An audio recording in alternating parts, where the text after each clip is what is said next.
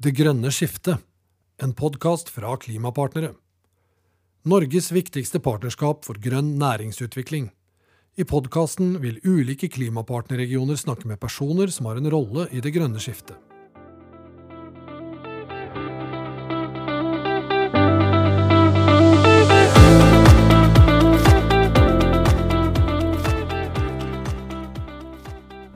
Ja, da eh, er vi i studio i dag. Eh, så er det meg, Kristian, som er leder for Klimapartner i Rogaland. Og så har vi Hilde Øvrebekk, som er journalist og kommentator i Aftenbladet.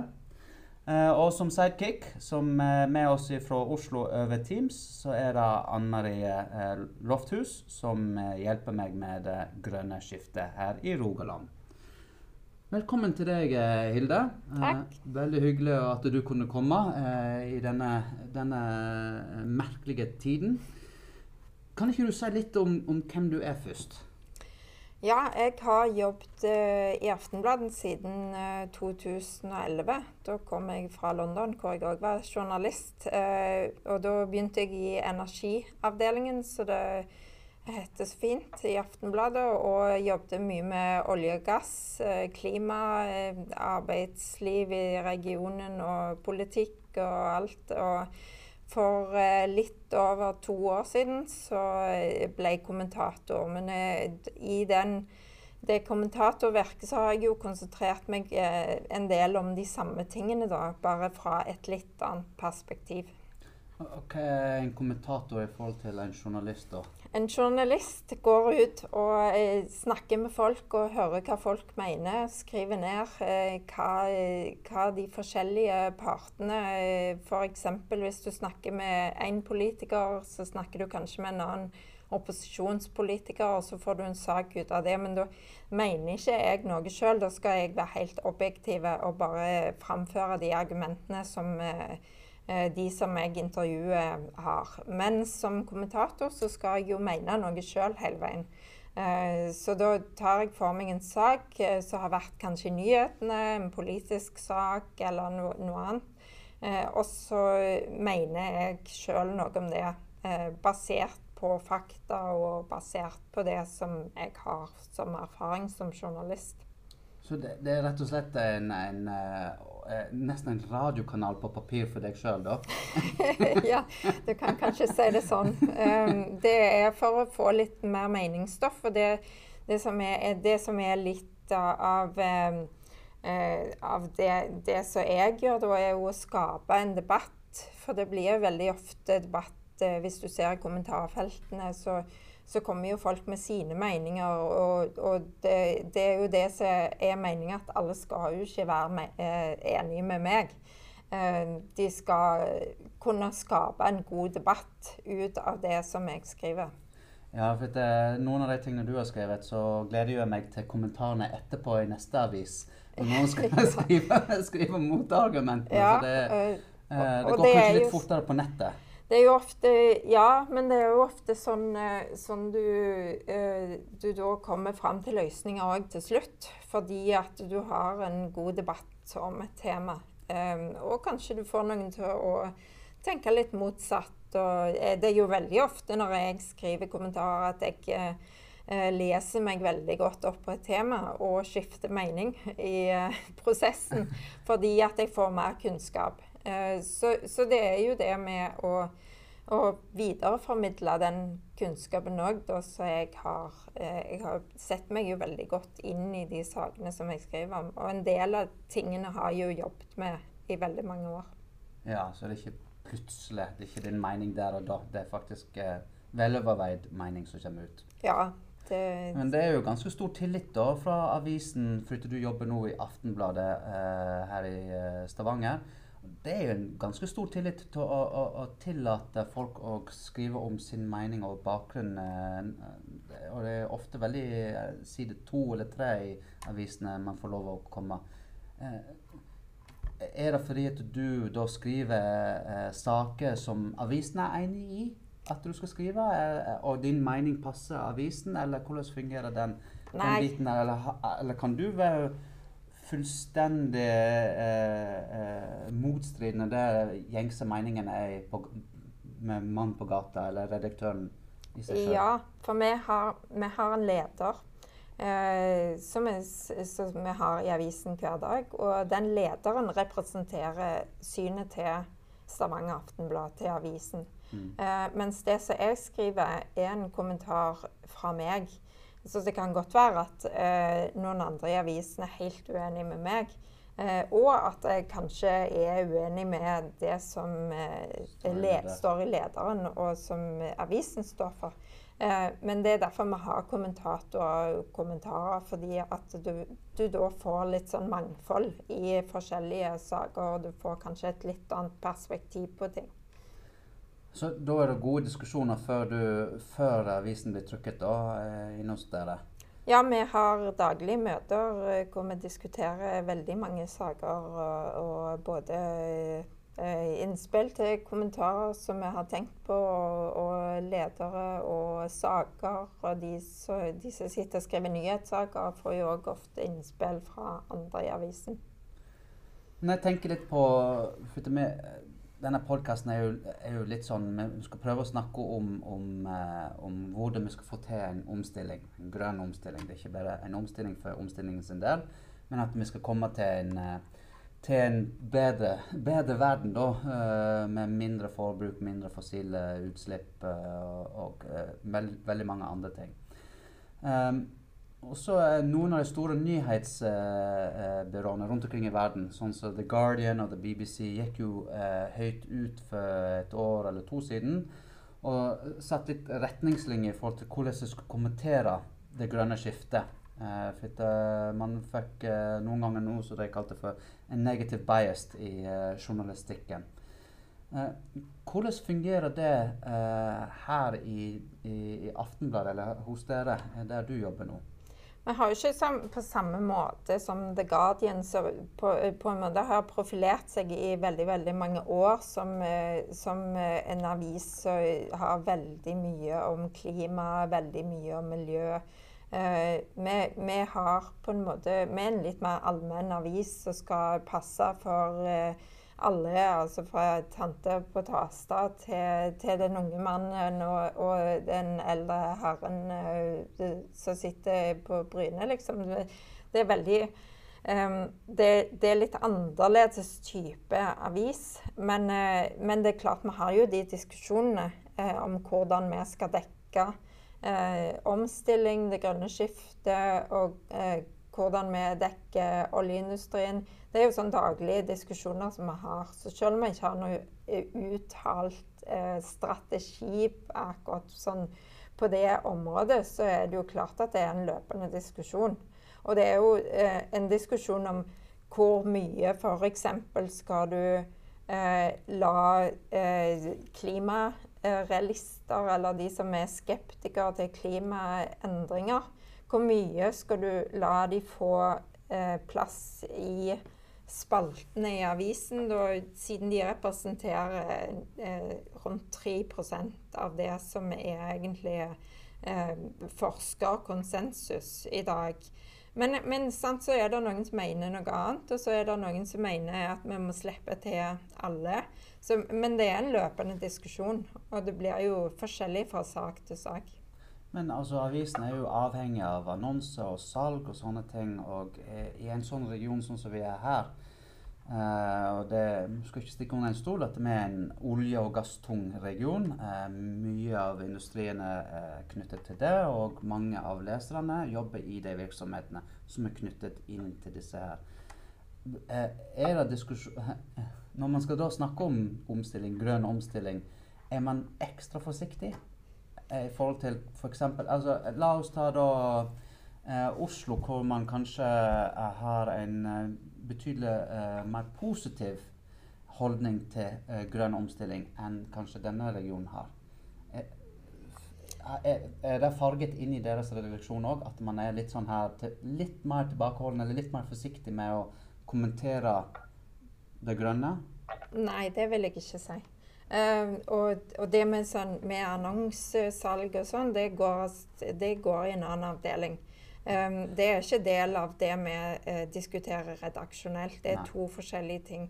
Uh, og, og vi, diskuterer jo like mye, vil jeg tro, og enda mer, eh, enn Oslo-redaksjonene. Eh, det med industri og omstilling. Fordi at vi er nærmere.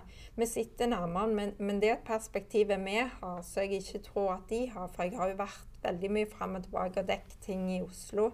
Og vært sammen med journalister der. og en del av de har ikke helt det der perspektivet på hvor kommer pengene egentlig fra.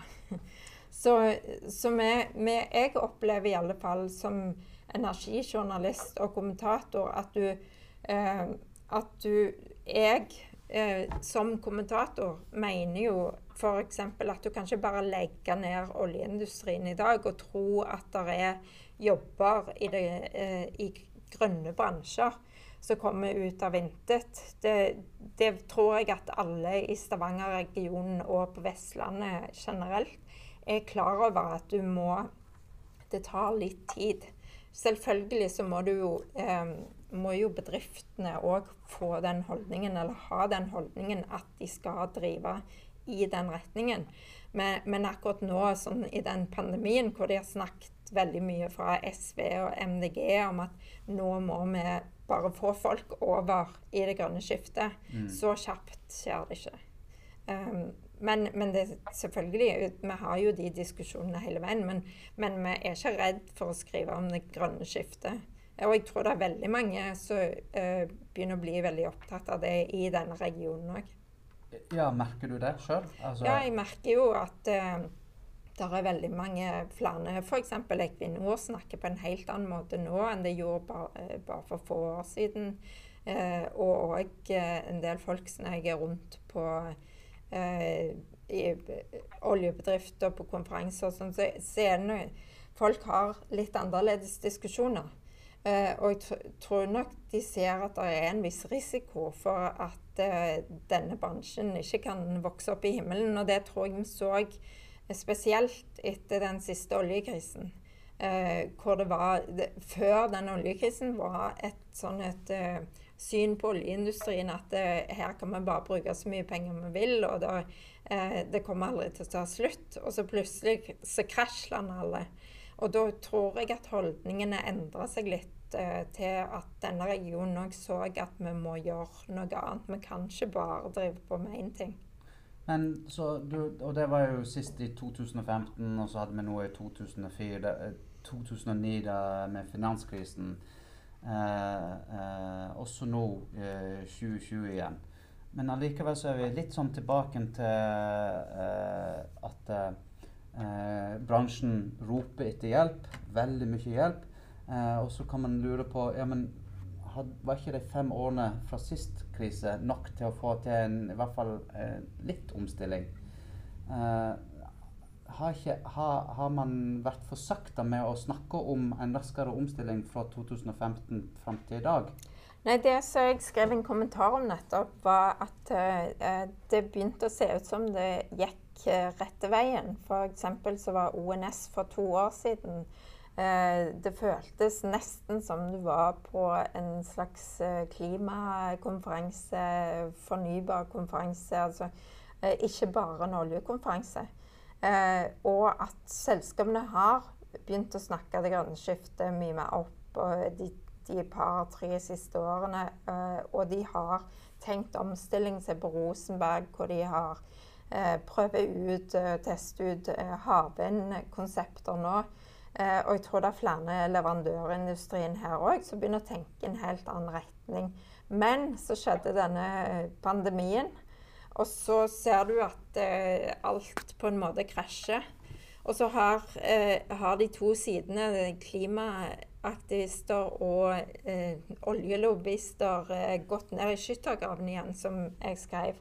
At de, de er motsetninger igjen, istedenfor å jobbe sammen. Sånn som jeg egentlig hadde fått til ganske godt. Eh, sett fra mitt synspunkt så virker det som om dialogen var godt i gang. Men, eh, men vi kan jo håpe at den kan ta seg opp igjen nå, eh, når ting normaliserer seg litt mer. Ja, for det er jo litt sånn eh, Man kanskje er litt redd for nå at nå har man fått en veldig stor gavepakke eller en stor lettelse over en liten periode, som gjør at alle går all in på å gjennomføre disse her uh, prosjektene. Uh, og så har ikke man tid til å faktisk omstille seg. Uh, og det, det da litt tilbake til hvordan blir historiefortellingen for å passe på at man faktisk har den fokuset fremdeles. At det, det, det problemet er jo ikke borte. Den er, den, er, den er, fremdeles veldig reell. Og før pandemien, som du sier, også opplevde vi også at ja, oljeindustrien eh, Det var mindre tilgang til prosjektet, og da begynte jo noen av disse aktørene å snu seg litt på å omstille seg, eh, kjøpe opp andre selskaper, se på andre måter å komme i posisjon med andre produkter. Eh, så hvordan skal vi fortelle historien, da? Hvordan skal dette her fortelles videre? Ja, eh, det er jo det Det som er kanskje litt dumt i de oljebakene er at det ikke er stilt noen form for krav til det. Fordi at det, det burde kanskje f.eks. òg krav til politikere. At de ikke presser på for å få til prosjekter som egentlig oljeindustrien sjøl har sagt ikke er lønnsomme. Eh, F.eks. en oljeterminal på Veidnes i Finnmark. Det har Equinor allerede sagt at det ikke er lønnsomt. Og så skal det være politiske beslutninger bak den utbyggingen som gjør at denne oljepakken virker egentlig ikke så veldig gjennomtenkt. Eh, men jeg tror at F.eks. på Rosenberg så stopper de ikke plutselig opp med det prosjektet på vindkraft. Eh, det, det, det har, ligger jo et visst ansvar på oljeindustrien nå. Og det tror jeg vi kommer til å skrive ganske mye om òg framover. Eh, om at de fortsetter på de prosjektene og den utviklingen de hadde før denne pandemien. At de ikke bare går tilbake til at eh, vi eh, kun fokuserer på olje i denne regionen? Ja, fordi du sa Jeg tror et viktig ord som jeg uh, hørte du sa. Ansvar. Det å ta et ansvar Man ville jo tenkt at sist gang når det gikk uh, pladask i 2015, så ville, ville kanskje noen av disse store bedriftslederne som da forvalter ganske mange arbeidsplasser og ganske mye penger, ville kanskje tatt et, et ansvar tar det et ansvar? Ser du at det, altså, gjennom ditt arbeid er det et ansvar som blir tatt, den omstillingen? Eller er, eller er oljelobbyen og arbeidsplasser betydelig viktigere i, akkurat i dag enn å ta et ansvar og prøve å vri litt? Det er en, kanskje en liten motsetning der. Ja, og det, det, handler jo Det behøver ikke være en motsetning. For hvis eh, de klarer å se litt lenger framover, eh, så klarer de kanskje å se at eh, det handler ikke kun om profitt nå. Og det har de jo egentlig gjort, og jeg tror veldig mange som har blitt vant til det. At det, det er fra kvartal til kvartal nærmest uh, hvor, du, hvor, du, ser at du tjener mer og mer penger, og du ser at det, det, det er tallene som teller nå. Uh, mens hvis du skal se litt framover, så er det jo en del risiko med å bare fortsette som før. Eh, og da, bør det jo stilles en del krav til bedrifter her òg, for at denne regionen ikke skal havne helt i bakleksa når denne omstillingen kommer. For han, han, vil komme, for olje og gass, som vi vet, den varer ikke evig. eh, så vi må jo eh, klare å finne på noe nytt. Og, og det er jo veldig mange bedrifter her som har muligheten til å se på nye teknologier, om det er digitalisering, om det er havvind, om det er eh, vindkraft. Eh, det er veldig mye som har vi teknologi å gjøre, og det er det vi kan her. Vi kan veldig godt teknologisk utvikling. Eh, så jeg tror at hvis eh, bedriftseierne her klarer å tenke litt lenger framover enn bare til neste kvartal, Eh, så vil de se at det er en risiko med å bare holde på med det som de holder på med. Ja, Vi får håpe at de ser det.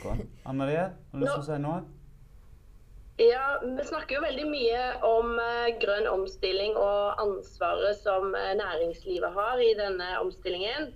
Men i forhold til debatten i avisene og det en skriver om snakk om forbruk, den forbrukermakten og hvor mye vi forbruker hvert år. Er det noe som det blir skrevet litt lite om? Altså, vi vet at når vi kommer til mai-juni nå hvert år, så har vi egentlig brukt opp jordens eh, ressurser for det året allerede. Er det, kan du fortelle litt om det? Eh, ja, jeg skrev en uh, kommentar om sirkulærøkonomi for ikke så lenge siden om hvordan vi må ta i bruk de ressursene vi allerede har og prøve å gjenvinne så mye som mulig. Og det er ganske, faktisk ganske mye jobber som kan komme fra å, å, innrette samfunnet sånn at det er mye mer sirkulært enn en det er lineært. Altså at, uh, at, du bare forbruker og kaster, og, og, bruker opp de ressursene som er på jorden. Uh, men det, er, du har rett i at uh, det er ikke så veldig mye som skrives om det. Og det var vel egentlig kanskje derfor eh, at jeg tenkte at jeg skulle skrive en kommentar om det. Fordi det blir snakket om, det blir nevnt av og til politisk. MDG er jo de som har nevnt det mest. Men òg uh, fra regjeringen så har de faktisk en strategi for hvordan de skal få til sirkulær økonomi. Men jeg, jeg tror at den endringen kanskje går litt treigt. Nå kan vi jo kanskje håpe at denne pandemien gjør at vi tenker litt mer på Trenger vi å kjøpe eh, det nytt, eller hvis vi trenger noe nytt, skal vi levere det inn sånn at vi kan bruke f.eks. metallene eh, til gjenvinning og lage nye ting istedenfor bare den bruk-og-kast-måten eh, som vi har levd på til nå. Men fra, men fra en mediesynspunkt, så Syns du, eller er, er, kanskje debatten da litt smal? At det kun handler om olje og gass? Ja, nei. Eh, eh vindmøller eh, på land? Ja, nei. Eh, vindmøller til havs? Ja. Og så er det bare de tre tingene der. er den for smal? Det, ja, det er det, det som har skjedd i veldig mange av disse sakene, og du nevnte vindkraft på land. det er at debatten har blitt så polarisert at det går nesten ikke an å ha et synspunkt i midten. Um, det, jeg hadde en debatt for ikke så lenge siden, og da var det jeg med fra Natur, Natur og Ungdom. Uh, og hun, uh, hun, var jo den som tok den posisjonen uh, som var i midten. At ja, vi trenger vindkraft, men nei, vi skal ikke bygge det ut. der, så det er, der folk går på tur, der det er på en liten øy f.eks., der det ødelegger hele naturgrunnlaget. Altså, det å komme til sånne kompromisser i diskusjonene er ofte veldig vanskelig. For det blir ofte veldig mye ja for eller nei helt imot. Mm. Eh, og det er det jeg så at det hadde begynt å skje litt på eh, olje og gass og klima at, at, det begynte å bli en sånn tilnærming hvor de inviterte hverandre inn til diskusjoner istedenfor å stå og krangle på hver sin side. Så jeg håper jo at det kan, kan skje i vindkraftdebatten òg etter hvert. Eh, og, og at, det, igjen, at det oppstår igjen i olje- og klimadebatten. Men kollegene dine da, eh, som også kommenterer, eh, for det er jo ikke bare du som kommenterer. men har de en annen synspunkt, så de kan skrive noe annet enn det du gjør, og så må du komme og kommentere på det de har skrevet? Nei, er det sånn det fungerer, eller fungerer ikke det sånn? Nei, som regel så kommenterer vi ikke på hverandre så, sånn som det er. Jeg blander meg ikke så veldig mye opp i Jeg eh, kan komme med innspill uh, til andre kommentatorer, men, men jeg blander meg ikke opp i hva de mener. Nei, Så det er ingen i redaksjonen som vil da skrive en kommentar på din kommentar?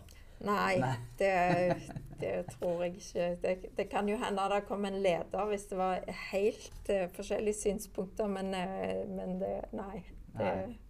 Nei, for vi opplever jo også at eh, f.eks. diskusjonen om sirkulær økonomi den er, den er, helt ny for veldig mange. Uh, og vi har uh, her i, i Klimapartner et eget prosjekt som vi skal starte til høsten rundt det å snakke om uh, sirkulære verdikjeder, og, eller paralleller, som vi kaller det.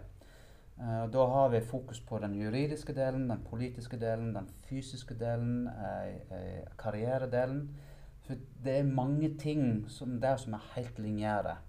Eh, og, og, det er faktisk for få folk som faktisk forstår hva det betyr. Og det å bevare da den ene jordkloden vi har, helt fram til Ellen Musk eller uh, han uh, Bezos uh, klarer å finne ut hvordan vi skal komme oss til Mars, eller bo i bane rundt jordkloden som de, de, har lyst til at vi skal gjøre, som, som neste alternativ. Så, så, og det er ikke sikkert vi rekker fram hvis ikke vi, vi gjør noe nå. Nei, men, jeg, men, det er jeg helt enig i. At uh, det er veldig mange som ikke helt forstår hva sirkulærøkonomi handler om. Og jeg tror at det er veldig mange som tror at det handler om at de skal At det bare handler om at de skal kjøpe mindre klær. Um, at de skal resirkulere mer. Men, men sirkulærøkonomi handler jo om veldig mye annet. Og, og det tror jeg ikke at folk helt har fått med seg. Det ser du i diskusjonene eh, i kommentarfelter og sånn. At det, det, det, er ikke helt Forståelsen er der ikke helt ennå. Så jeg tror at det er et, det er et veld, veldig viktig tema å ta opp. Og det er et veldig viktig tema å, å skrive mer om. For det, det tror jeg kommer til å komme mye mer enn det har vært nå. Det håper vi inderlig. Hvis vi spoler litt, uh, spoler litt litt videre. Jeg har lyst til å snakke litt om disse sosiale mediene. Uh, vi snakket litt om det før vi gikk på luften her nå. at eh, Jeg hadde lastet ned TikTok. For jeg så at eh, han eh, som bor hjemme hos oss, og eldste ungdommen hos oss, hadde TikTok. Så jeg måtte jo bare laste ned og sjekke hva, hva, det var for noe. Og da ble jo jeg eh, sittende fast i en TikTok-feed i to timer før jeg klarte å, å, komme meg ut av det. det var veldig sånn avhengighetsskapende. Uh, men litt, det som slo meg litt, var jo at uh, han og veldig mange i hans generasjon, de, de, er jo de er på sånne plattformer som fôrer deg med, uh, med, med, underholdning, eller altså TikTok-feed. Og eventuelt YouTube-kanaler hvor de finner innhold som passer deg sjøl. I dag så sitter jo med og, og, er med på Facebook og på Instagram og på Twitter. Og så har vi de digitale avisene som vi har på, på mobiltelefonen som vi flikker gjennom. Men da får vi Og, og vi, vi, sitter sikkert også i en ekkokammer der. Algoritmene fôrer sikkert de nyhetene vi har lyst til å se. Spesielt på Facebook. Da vet jeg at jeg får bare det jeg har lyst til å se. Uh, men, men, når ungdommen da sitter og ser på TikTok eller tilsvarende kanal, eller YouTube, så blir ikke de så får ikke de den eh, påvirkningen som jeg mener vi har gjennom å se forskjellige kanaler og, og, forskjellige synspunkter til ting. Så det, eh, har vi grunn for bekymring her? Nei, jeg har to unger sjøl, og de har uh, vært uh, hjemme og hatt hjemmeskole i noen uker. Og jeg syns at uh, de er veldig flinke på skolen òg å integrere dette i undervisningen. F.eks. de ser på Supernytt, de ser på forskjellige ting, og de diskuterer veldig mange ting. og nå er det kanskje litt spesielt hjemme hos meg, siden jeg hører på radioen hele veien. Så de mine får jo med seg sånn snakkeradio. Så ja, var får de med seg P5 Hits? Uh, nei, alltid. Uh, nei, sånn uh, NRK Alltid nyheter. Ja. så da får de jo litt med seg der. Men jeg, men jeg tror òg, sånn, sånn som i Aftenbladet, så oppretta vi for noen år siden dette BYAS-konseptet. Som er retta inn mot yngre folk. Altså i, i slutten av tenårene, 20-årene. Litt sånn lettere nyheter, men òg men òg eh, en inngangsport til litt mer, eh, litt mer seriøse ting. Og vi har reportasjer, og, og vi har eh, nyhetssaker som er innretta for det publikummet. Jeg tror det, har, det har blitt veldig populært, og jeg tror at det blir som en slags inngangsport. For eh, når du husker når du var 18 starten eh, sjøl, så, så, gjorde du jo veldig mye andre ting enn å bare sitte og lese aviser.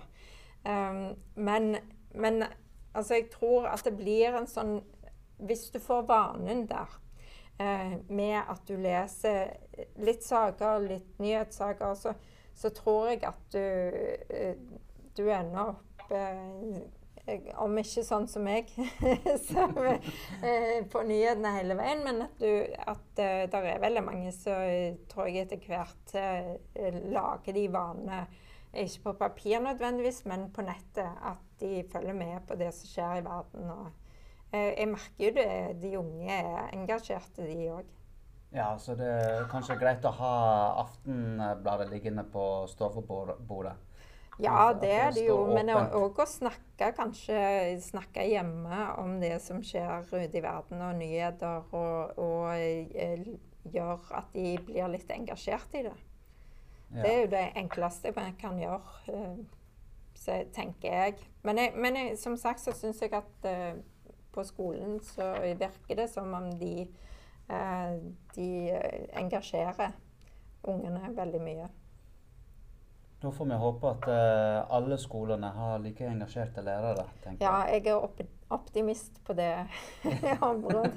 Ja, for det, det er Grete Thunberg, når hun ble så stor, var det var, Det var ikke gjennom sosiale medier, eller det var jo gjennom avisene at Ja. hun ble så Ja. Så det, ikke, det var jo ikke gjennom eh, ungdommen sine kanaler at hun ble stor. Nei, og der, der ser du jo eh, eh, det engasjementet som ungdommen egentlig har, og som kan vekkes hvis det er en sak de er engasjert i. Dette var en stor sak, og det, den, de er jo veldig engasjert i den ennå, mange. Um, og, det, og det er kanskje gjennom sånne ting òg at, at de begynner å følge med på andre ting som skjer i verden òg. Eh, så jeg tror ikke at vi skal eh, tenke at eh, TikTok er, eller YouTube er bare dumt. For vi sitter jo som voksne så sitter vi og ser litt på serier på kvelden for å koble litt av. Så jeg tror at ungene òg har litt behov for å koble litt av. Ja, Så det er ingenting å bekymre for neste generasjon som skal ta over etter heller, oss. heller litt bekymra for at uh, du sitter og ser på det to timer om gang. Ja, nå ble jeg tatt på det. Det er nesten så jeg måtte slette appen. Ja, ja, jeg, eh, det- jeg skulle bare se om det var noen klimanyheter på, på TikTok. Men det var mest dansing på trapper, husker jeg. Ja. Ja, men det Vi må vel begynne vi må vel begynne snart å gå litt inn for landing. Men jeg tenker litt sånn avslutningsvis, kan du si noe om eh, hvordan ser du fremtiden til regionen vår? Er, klarer vi å omstille oss eh, i tide, hvis vi skal si det på den måten? ja, i tide i forhold til konkurransen i andre regioner og EU. Ja, det er, jo det, det er jo det som er det store spørsmålet, og det tror jeg kommer veldig an på viljen. Og vi har jo sett tidligere tider eh, Vi har jo omstilt oss før i denne regionen.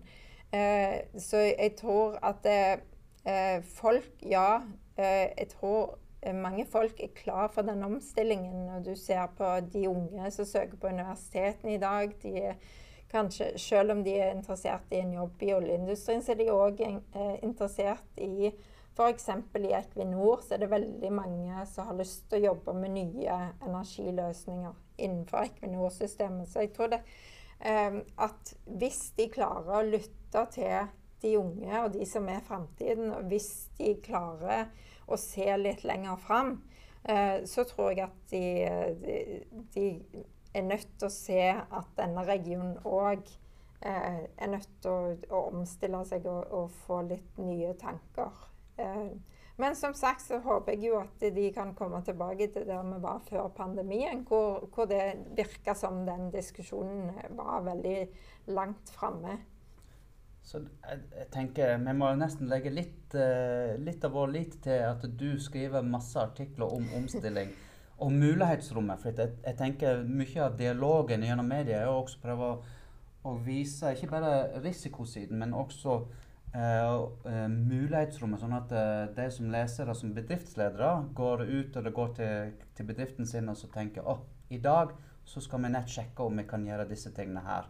Eh, og jeg tror det, det Fra min side så, så prøver jo jeg å lete fram disse gode eksemplene i, i media. og Da må du inn i ganske uh, spesifikk fagstoff eller faglitteratur for å finne det, uh, det gode, eller at ting skjer i den retningen eller den retningen. Og da, da, Ja.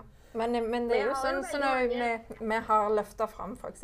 havvindsatsingen, så er, er jo det noe som denne regionen kan Eh, de har en mulighet der, og det, det sier jo eh, Aker Solutions, det sier Rederiforbundet, det, det sier Equinor. Eh, alle de store aktørene der sier at dette er en mulighet som vi har. Her i Rogaland så syns jeg at eh, de bedriftene bør bru bruke den muligheten og, og, og, bare gripe tak i det. Og se om det virkelig er noe. For det, det handler ikke bare om å installere så mange vindmøller du kan på norsk sokkel. Det handler om at vi gjør det samme som vi har gjort i olje- og gassindustrien, i leverandørindustrien, hvor du skaper produkter som du kan selge til utlandet og som vi kan tjene penger på uh, og lage uh, arbeidsplasser her i Norge. Um, så, så, det å kunne tenke litt i sammenheng med at vi bruker den kompetansen vi har, uh, og, og, da bygger videre på den og, og skape nye muligheter, det tror, tror, jeg det er bare nødt til å gjøre her. Veldig, veldig bra. Jeg tenker vi, vi tar det derifra. Tusen takk, eh, Hilde, for uh, input. Dette ja, takk for at jeg fikk komme. Ja, dette blir jo kjempespennende å lytte til nå når vi skal alle på hytta og finne ut hva vi skal lytte til. Gå på tur i fjellet? Eller gå tur i fjellet. Ja, jeg er litt usikker på om jeg skal gå med Bosøhøyttalerne midt oppe på Hardangervidda. Men det kan hende at det blir inspirerende nok til å gjøre det òg. Eh, da får du ha en god sommer, og til alle lytterne også en uh, god sommer. Takk til deg, eh, Anne Marie, som sitter i Oslo eh, gjennom uh, våre digitale venner. Da snakkes vi. Ha det bra.